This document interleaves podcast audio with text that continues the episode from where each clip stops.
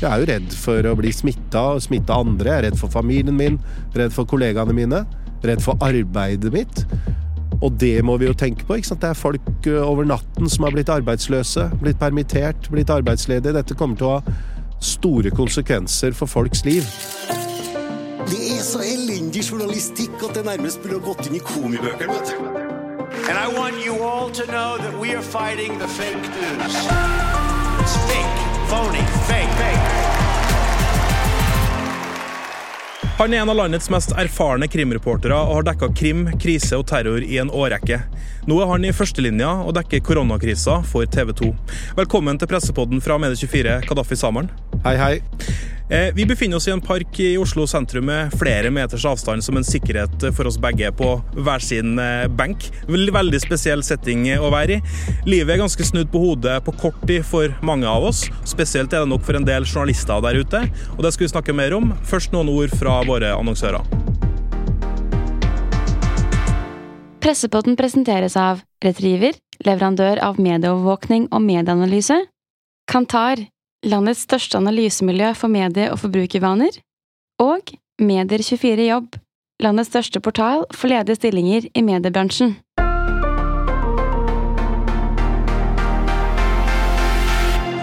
Kadafi Samaren, koronaviruset herjer verden, folk dør, hele land er satt på pause. Hvordan vil du karakterisere det som skjer rundt oss nå, egentlig? Nei, det er jo uvirkelig. Eh, Det er som en eh, skrekkfilm. Altså, det er eh, Jeg hadde aldri trodd at dette kunne skje i Norge. Eh, Og det jeg på en måte er mest eh, Eller frykter mest, er jo hvor skal det ende? Hvor mange skal dø? Hvor lang tid kommer det til å ta? Én ting er Norge og det vi opplever veldig på kroppen her, men også resten av verden. Spesielt fattige land, hvor viruset kanskje ikke har helt nådd ennå, hvor man ikke tar det helt seriøst. Myndighetene osv. Så, videre. så sluttregnestykket, det er jeg veldig eh, spent på. Vi spiller inn denne podkasten torsdag 19. mars. Mye kan skje fremdeles. Eh, I dag så, så vet vi at det, det har vært noen få dødsfall i Norge. Snittalderen er 89 år, meldte meldt eh, media i, i går. Hvordan har koronakrisa endra liksom, arbeidsdagen for, for din del i, i TV 2 nå? Nei, den er jo virkelig forandra for eh, alle eh, i hele Norge, også i TV 2. I praksis så er det jo sånn at eh, det er om å gjøre å ikke bli smitta og ikke smitte andre. Det er jo hovedfokus, samtidig som man gjør jobben sin. Informere folk om det som skjer, lager nyheter. Og der er det sånn for TV 2s del så er det jo en del som har hjemmekontor. De som kan gjøre det. F.eks. de som eh, lager nettsaker, kan eh, sitte hjemme. Eh, og andre avdelinger også i TV 2. Så har man splitta eh, folk. Noen sitter på et eh, hotell rett over TV 2 eh, i, Bjørvika, slik at de ikke skal mingle med de som sitter på TV 2-huset. Eh, og vice versa. Ikke bli smitta. Og det er jo innført altså dette med håndhygiene, vask, avstand. De jeg intervjuer nå, er jo med en bom. En sånn på halvannen-to meters avstand. Ja, hvordan, hvordan gjør dere det sånn rent Nei, praktisk? altså folk har jo forståelse for det. Det så kanskje litt komisk ut i starten, men dette er jo veldig alvorlig. Det handler jo om liv og død. Eh, man kan bli smitta sjøl eller smitte andre. Så i starten var det jo uvant å ikke hilse på folk. Ikke sant? Man dro kanskje litt på smilebåndet. Nå er det jo Alle skjønner det. Hold avstand. Så for vår del så er jo, er jo det intervjue folk på avstand. En annen utfordring er jo når du skal ut med kollega, altså en fotograf. Sitte i samme bil. Skal du sitte bak, kjøre separat bil? Eh, hvordan du skal redigere saken etterpå, det folk ser på lufta. Ja, for Dere er vant til å jobbe veldig tett i team når du er i TV 2. Altså, du, en ting er jo på en måte, du kan jo være ute og VJ og den type ting, men, men når du skal lage liksom, toppslag til, til nyhetene, den type ting, altså, du jobber jo veldig tett på hverandre som team, gjør du ikke? Ja, du- man er jo stort sett alltid to stykker. Det er en reporter og en eh, fotograf med kamera. Så vanligvis så sitter man jo og planlegger litt før man skal ut, og så setter man seg i bilen. Eh, Og så gjør man opptak, kommer tilbake igjen i redigeringsrommet og lager ferdig en sak. Og da er man jo tett på hverandre. Det eh, kan vi jo ikke nå. Eh, Nå er det jo sånn at eh, helst ikke mer enn 15 minutter i samme rom, også det med avstand. Så det er jo krevende. Eh, men i det store bildet så er det jo sånn at det, det er jo veldig mange andre som har det langt tøffere enn oss, så jeg skal ikke klage sånn sett.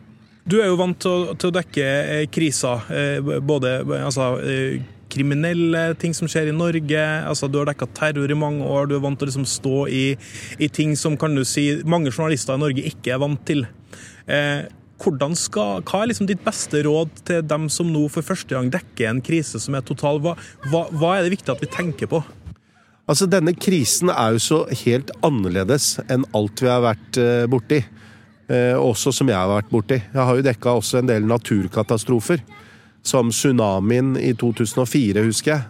Da var det over natten så var det 200 000 mennesker som var borte. Som døde. Eller jordskjelv i Kashmir i 2005. Mer enn 80 000 mennesker som plutselig var borte. Eh, også flomkatastrofer osv. Det er jo på en måte katastrofer som du, du, vet hvor fienden er, eller det er enten vannet, eller så er det raset, eller eh, så er det noe annet. Men det som er veldig spesielt med dette, er jo at du vet jo ikke hvor fienden er. Jeg kan jo være fienden din akkurat nå. Lydmannen altså, kan jo være Nå fienden kan du være mikrofonen, det kan være benken jeg sitter på. Det kan være håndtaket inn til jobben, det kan være laderen til elbilen. Det er jo så mye rart. Men det som på en måte, iallfall jeg har lært, eh, det som motiverer litt, er jo at når du har sett sånne katastrofer som har tatt ekstremt mange liv Vi er jo ikke der, håper jeg. Men det er jo alle de som trår til eh, og hjelper. Hvis man drar til Banda Aceh i Indonesia nå og ser eller til Kashmir eller til flomområder hvor det var altså ut, Alt var borte. Så ser man jo hvordan eh, folk har bygd ting opp igjen. Det er jo det ene. Og der ser man jo masse gode eksempler nå i Norge. Altså Dugnadsånd. Det er ikke en klisjé, det. Det skjer nå.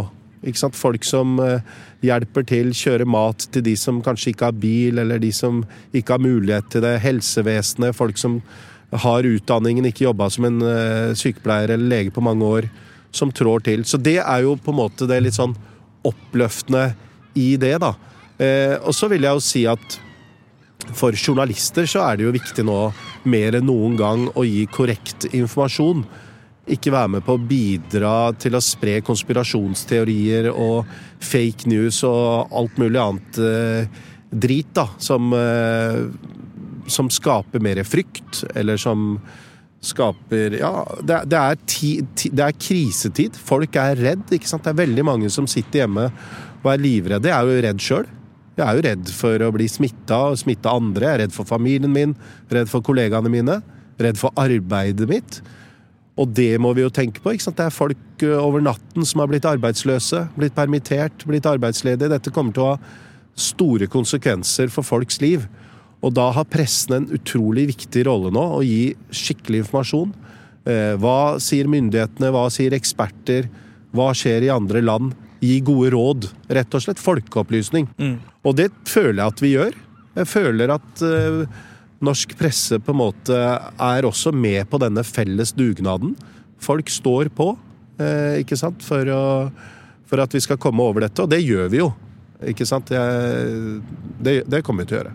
Hvordan er du som, som menneske eh, når det skjer sånne typer katastrofer og, og kriser? Altså, hvordan reagerer du i, ja, som, som, menneske? Altså når, når, du er i utlandet og ser katastrofer, så er det jo klart at du er jo både reporter, men du er jo også et menneske medmenneske.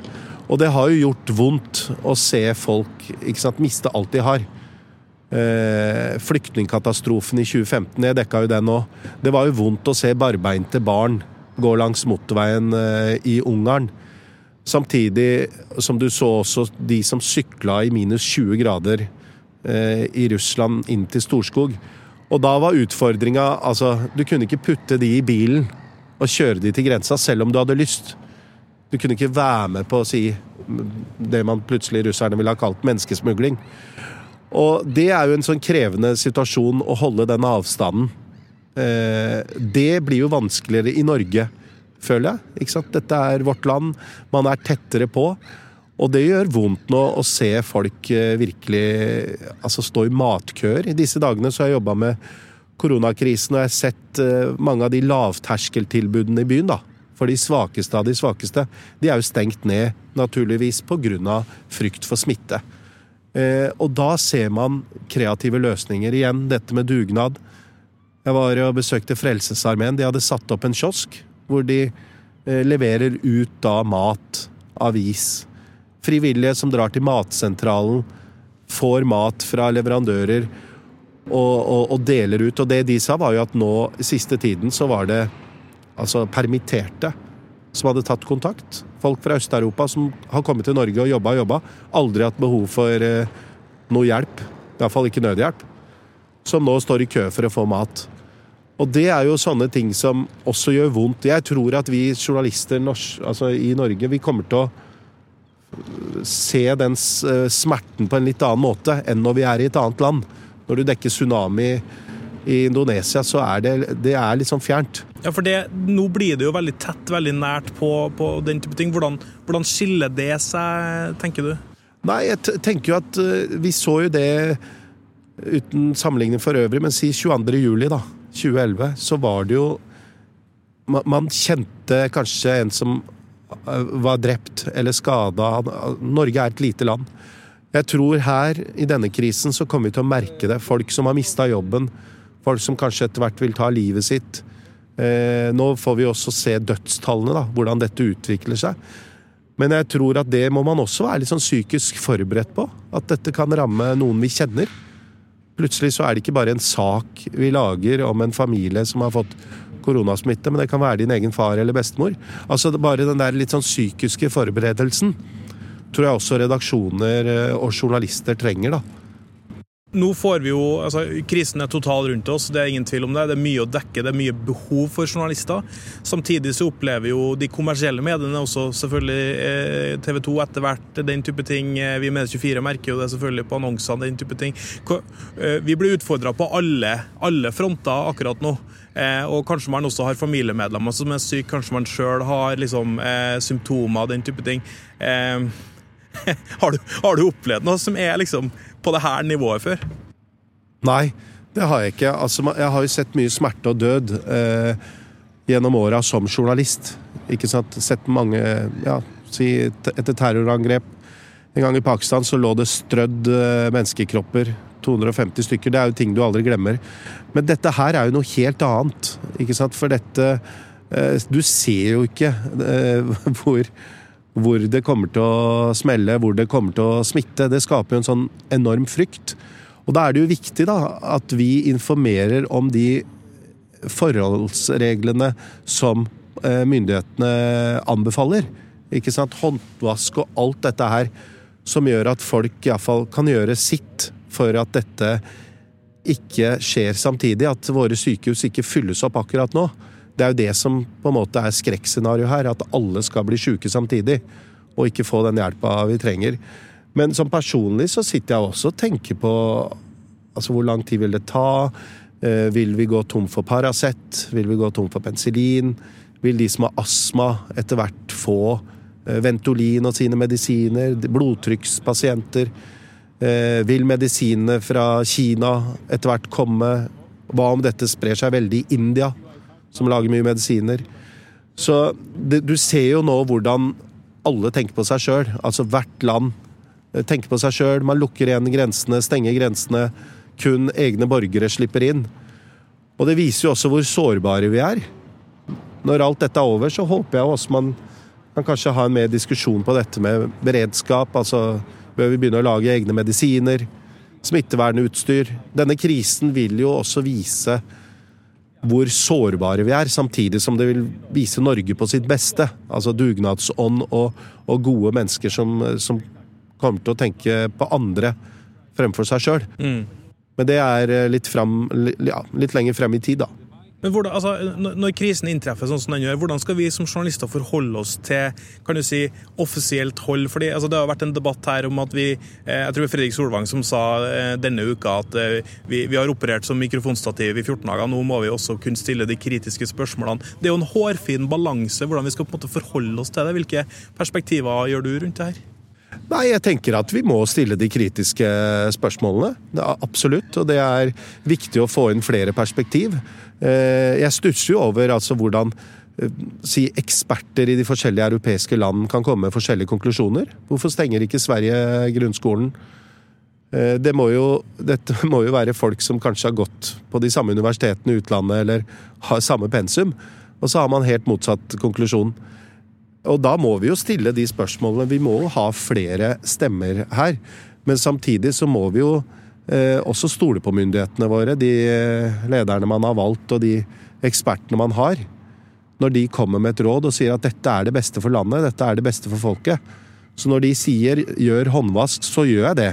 Hold to meter avstand, så gjør jeg det. Eh, men det betyr ikke at ikke jeg leiter etter andre stemmer. Og det, det, det må vi jo som journalister. Mm. Er det vanskelig å balansere den der, eh, Hvis du er kritisk i denne fasen nå, splitter du kanskje også eh, kontra liksom, når du forholder deg eh, til, til, de offisielle rådene. Altså, er, det, er, det, vanskelig å operere som journalist i, i det rommet? Ja, det er klart at Personlig så vil jeg kanskje ikke ha sluppet til veldig konspirasjonsteoretikere, og at dette er en stor konspirasjon eller noe sånt. Men stemmer som har et annet syn, som mener at eh, ja, f.eks. det Sverige har gjort, eller andre som mener helt motsatt. Steng ned hele Norge. Nå ser vi jo at det er folk rundt oss, men det er jo noen som mener at det ikke bør være noen ute i gatene. Så vi må jo ha rom for også de stemmene. Så får tiden vise, da hvem som hadde rett. Men det er liksom ikke akkurat det nå. Eh, nå tror jeg altså norsk presse får jo fram de stemmene. Det er mange fagmiljøer som er uenig, både i Norge, men også i utlandet. Jeg hørte på f.eks. pakistanske statsministeren eh, holde tale til folket. Nå har jo koronaen begynt å komme litt der òg. Og de hadde sin eh, tilnærming, hvor han sa at 97% overlever. Og hvis vi lukker ned landet nå, stenger ned landet, så vil flere dø av sult enn av korona. Det var hans eh, tilnærming. Eh, mens andre land har en annen. Du ser jo hvordan USA har jo reagert seint, Storbritannia, europeiske land. Eh, så pressens jobb er jo også å formidle det som skjer rundt omkring i verden.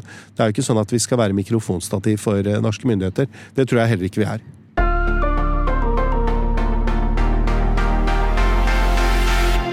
Pressepotten presenteres av Retriever, leverandør av medieovervåkning og medieanalyse, Kantar, landets største analysemiljø for medie- og forbrukervaner, og Medier24 Jobb, landets største portal for ledige stillinger i mediebransjen.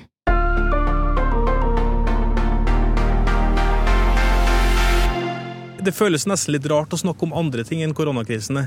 Eh, men, eh, men eh, vi som journalister som jobber med, jobber med, med, med nettaviser og den type ting, er jo også opptatt av at vi må ha miksen. Vi må ha ulike ting. Så vi får bare, for de som er møkkalei av å høre om korona til tross for at det omgås alle sammen, så, så tenkte vi skulle også snakke litt om, om andre ting. Også det som på en måte, om ikke var en krise, iallfall var utfordrende for deg i, i, i juli 2018. Eh, for da ble du pågrepet, eh, og du ble satt på en celle i Pakistan. Eh, noe som prega nyhetsbildet her, her, hjemme.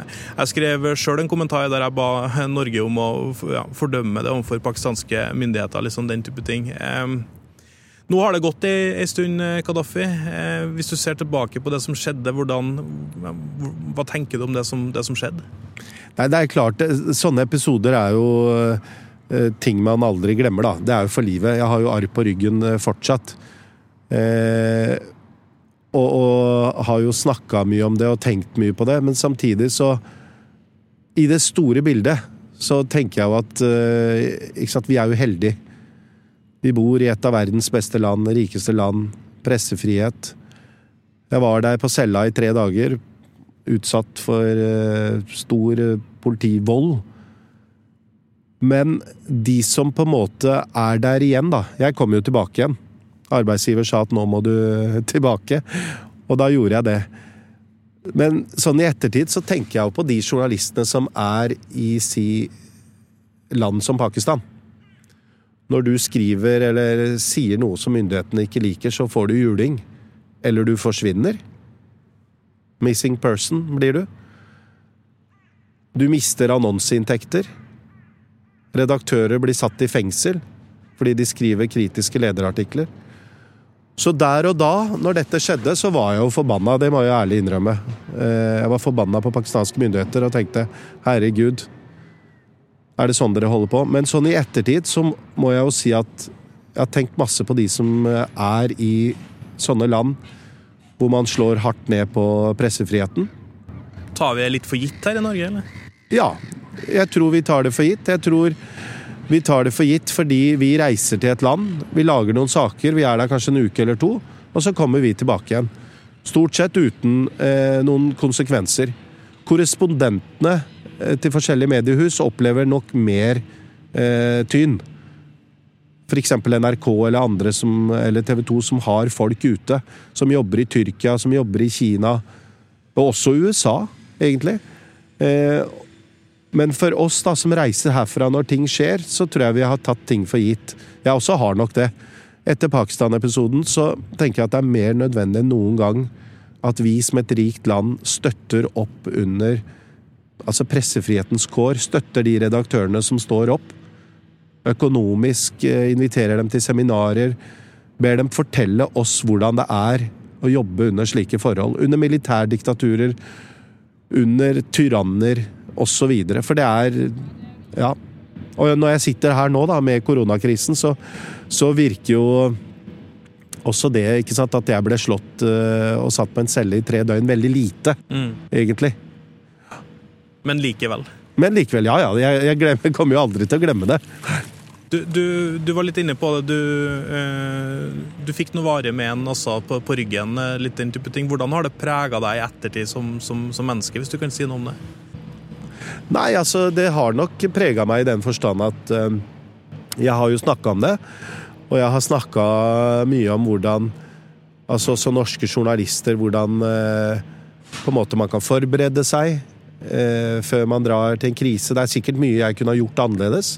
Burde jeg ha hatt en gul vest som det sto presse på?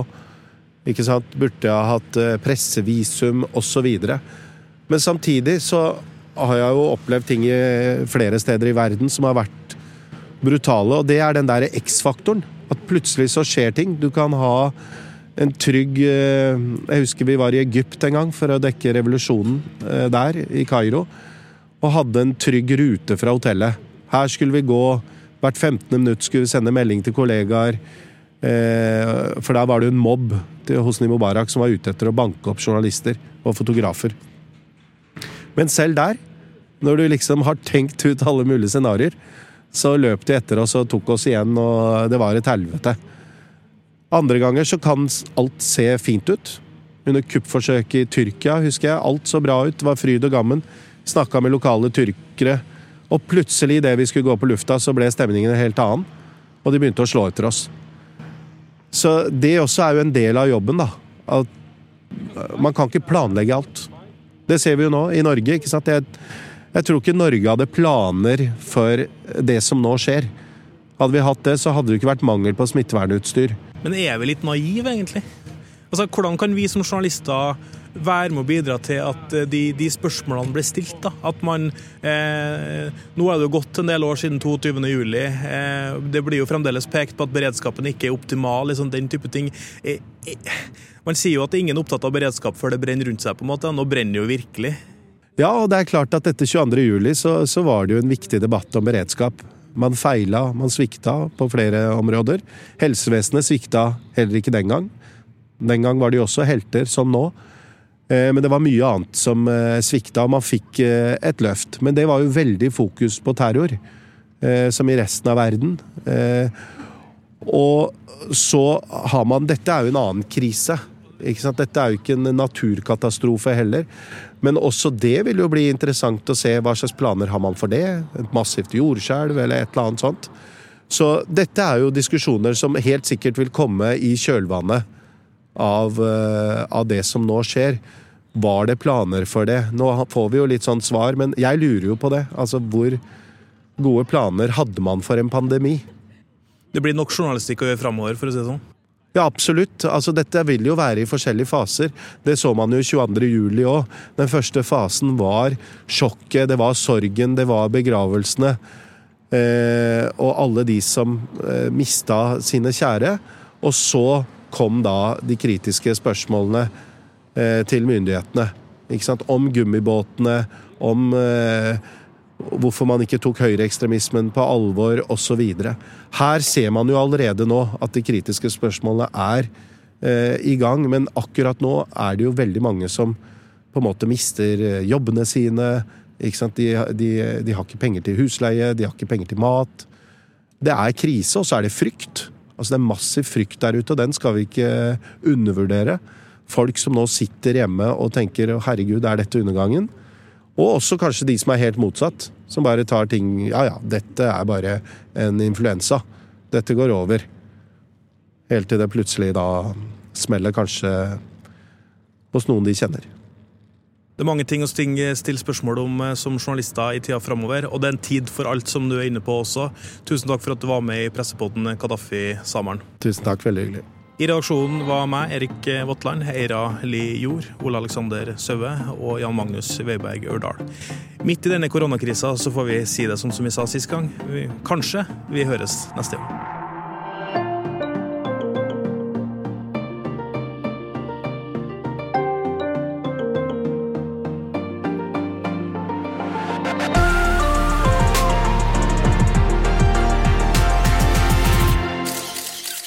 Pressepotten presenteres av Retriever, leverandør av medieovervåkning og medieanalyse.